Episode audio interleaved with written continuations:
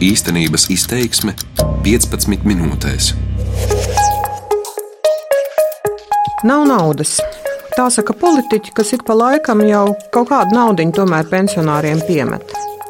Tiesa miljoni, kas papildus tiek sadalīti uz galviņām, nekādu taustām uzlabojumu senioru dzīves līmenī nedod.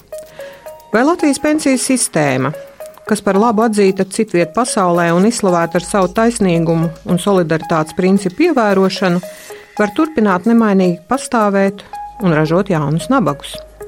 Par šo un citiem nemazāk strīdīgiem jautājumiem šodien īstenības izteiksmē runāšu es, Latvijas radio žurnāliste Aiga Pelane. Protams, situācija nav viennozīmīga. No vienas puses Latvijā radītā Trīs līmeņu pensiju sistēma uz papīra ir taisnīga un saprotama. Katrs strādājošais visu savu darba mūžu rūpējas par to, lai vecumdienās būtu pārticis un nodrošināts. Taču no otras puses, sistēma ir spējīga strādāt ideālā situācijā. Kad Latvijā pietiekami daudz cilvēku veic sociālos maksājumus, kad ir nedaudz cilvēku, kas saņem minimālo algu, un vēl mazāk cilvēku, kurus saņem atalgojuma aploksnē. Kad cilvēkiem ir zināšanas un interese par savu naudu un tās vairošanu. Diemžēl Latvijas nodokļu maksātāju rindas ir krietni paretinātas un demogrāfiskā situācija pēdējā desmitgadē ir būtiski pasliktinājusies. Oficiālā statistika liecina, ka pēdējo desmit gadu laikā no valsts aizbraukuši ap 160 tūkstoši iedzīvotāju, galvenokārt darbspējīgie. Joprojām piektā daļa ekonomikas dzīvo ēnu daļā.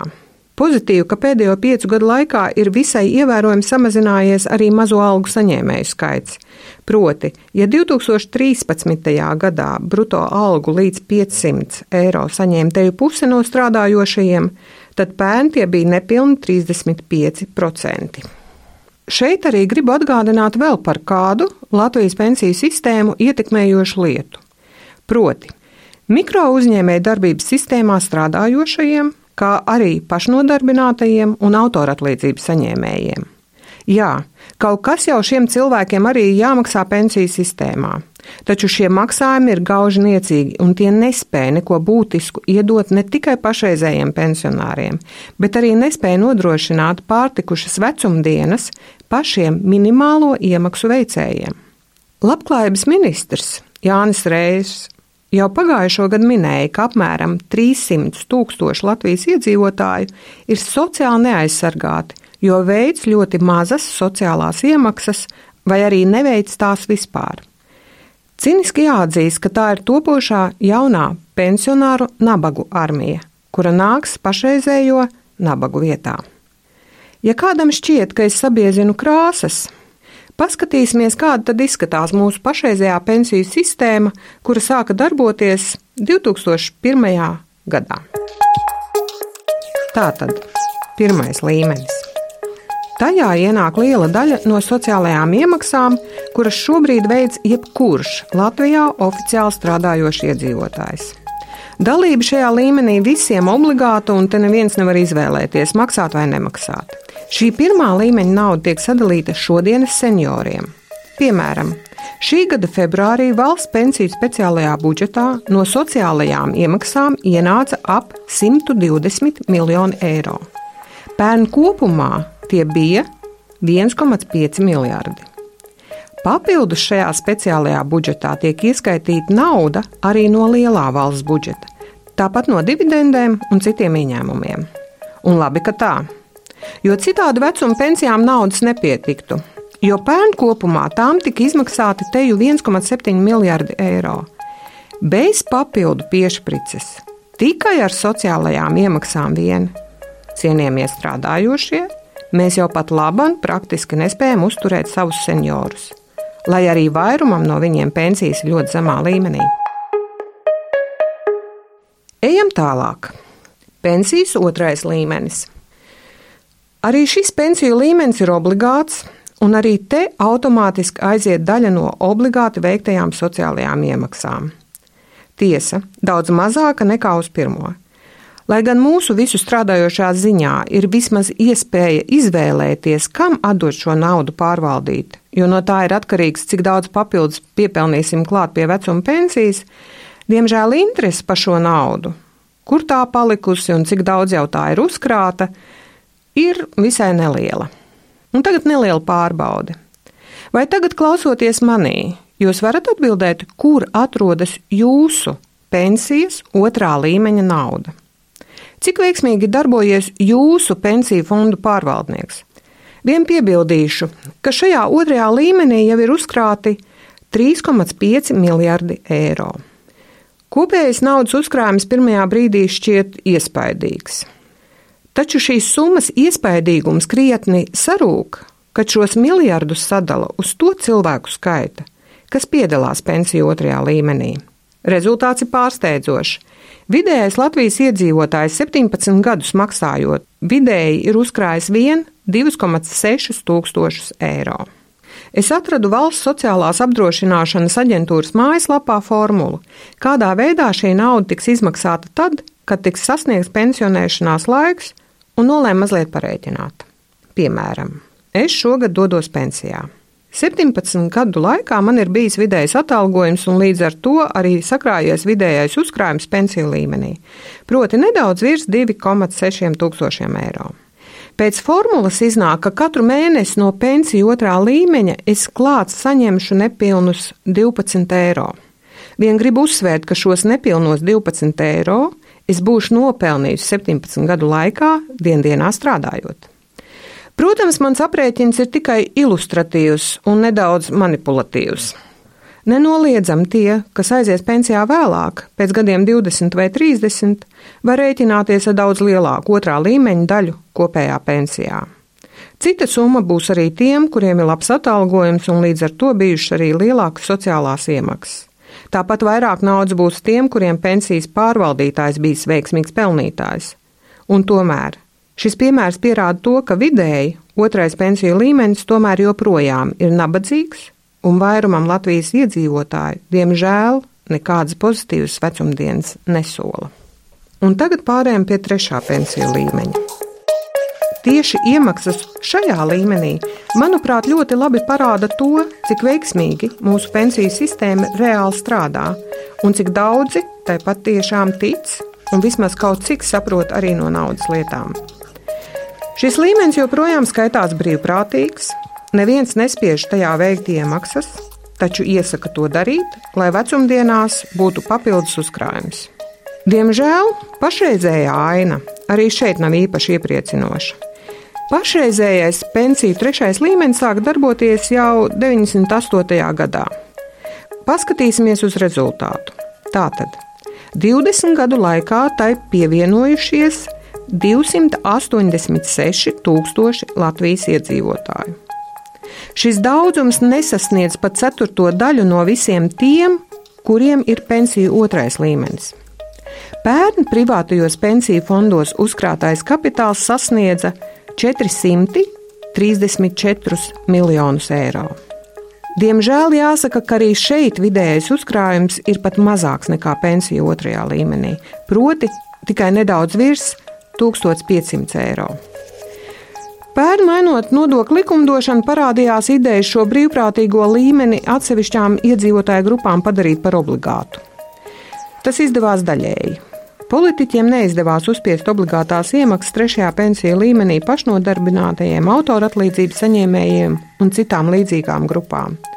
Viņu 5% papildus maksājums kas tiek piemērots no šī gada sākuma, tiek iegrāmatots katra maksātāja pensiju pirmajā līmenī, un tas nozīmē, ka valsts, aprēķinot vecumu pensiju, to ņems vērā, bet reāli šī nauda tagad aiziet pašreizējo pensiju izmaksai. Taču pavisam citādi ir ar turīgākajiem iedzīvotājiem. Tiem, kuri saņem algu, kas gadā pārsniedz 55,000 eiro, jeb mēnesī nedaudz vairāk nekā 4,5 tūkstošus. Viņiem iemaksas pensiju trešā līmenī ir jāveic obligāti. Viņu nauda tiek uzkrāta un vairota. Turklāt viņi saņem gan nodokļu atlaides, gan pie šī uzkrājuma tiek klāt jau sākot no 55 gadu vecuma. Turīgākie iedzīvotāji tādējādi iegūs labu kapitāla uzkrājumu vecumdienām, savukārt bankas dabūjušas sev izdevīgus un bagātus klientus. Uz pašreizējo situāciju var skatīties divējādi. Pirmkārt, pavisam mierīgi, kā tas bijis daudzus gadus. Proti, ciniski runājot, tie padomu laikā strādājošie, kas nav nemaz vai tikai nedaudz strādājuši atjaunotajā Latvijā un tagad ir pensijā, nomirs, un viņu vietā nāks jaunie, kas lielu daļu savas dzīves būs krājuši naudu un tāpēc būs daudz bagātāki. Pat labam vairāk nekā puse no pusmiljona lielā senioru skaita mēnesī saņem pensiju līdz 300 eiro. Labā ziņa ir tā, ka pēdējo piecu gadu laikā ir te dubultojies to cilvēku skaits, kuri saņem pensijas, kas lielākas par 500 eiro mēnesī. Taču ir arī sliktā ziņa.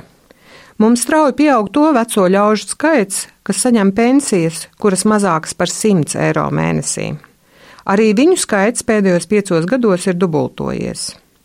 Un tas nozīmē, ka vērot tikai notiekošo, diez vai izdosies.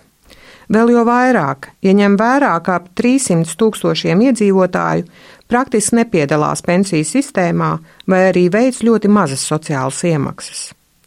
Diemžēl, ja sistēma nekāda netiek mainīta, tad tas nozīmē, ka pašreizējo nabadzīgo pensionāru vietā var nākt jauni, tāpat nabadzīgi veci cilvēki. Te gan jāpiebilst, ka politiķi mēģina dažādi kosmētiski uzlabot veco cilvēku dzīves līmeni, piemēram, obligātā kārtā tomēr piespiest maksāt savā pensiju sistēmā vismaz kaut kādu minimālu naudu.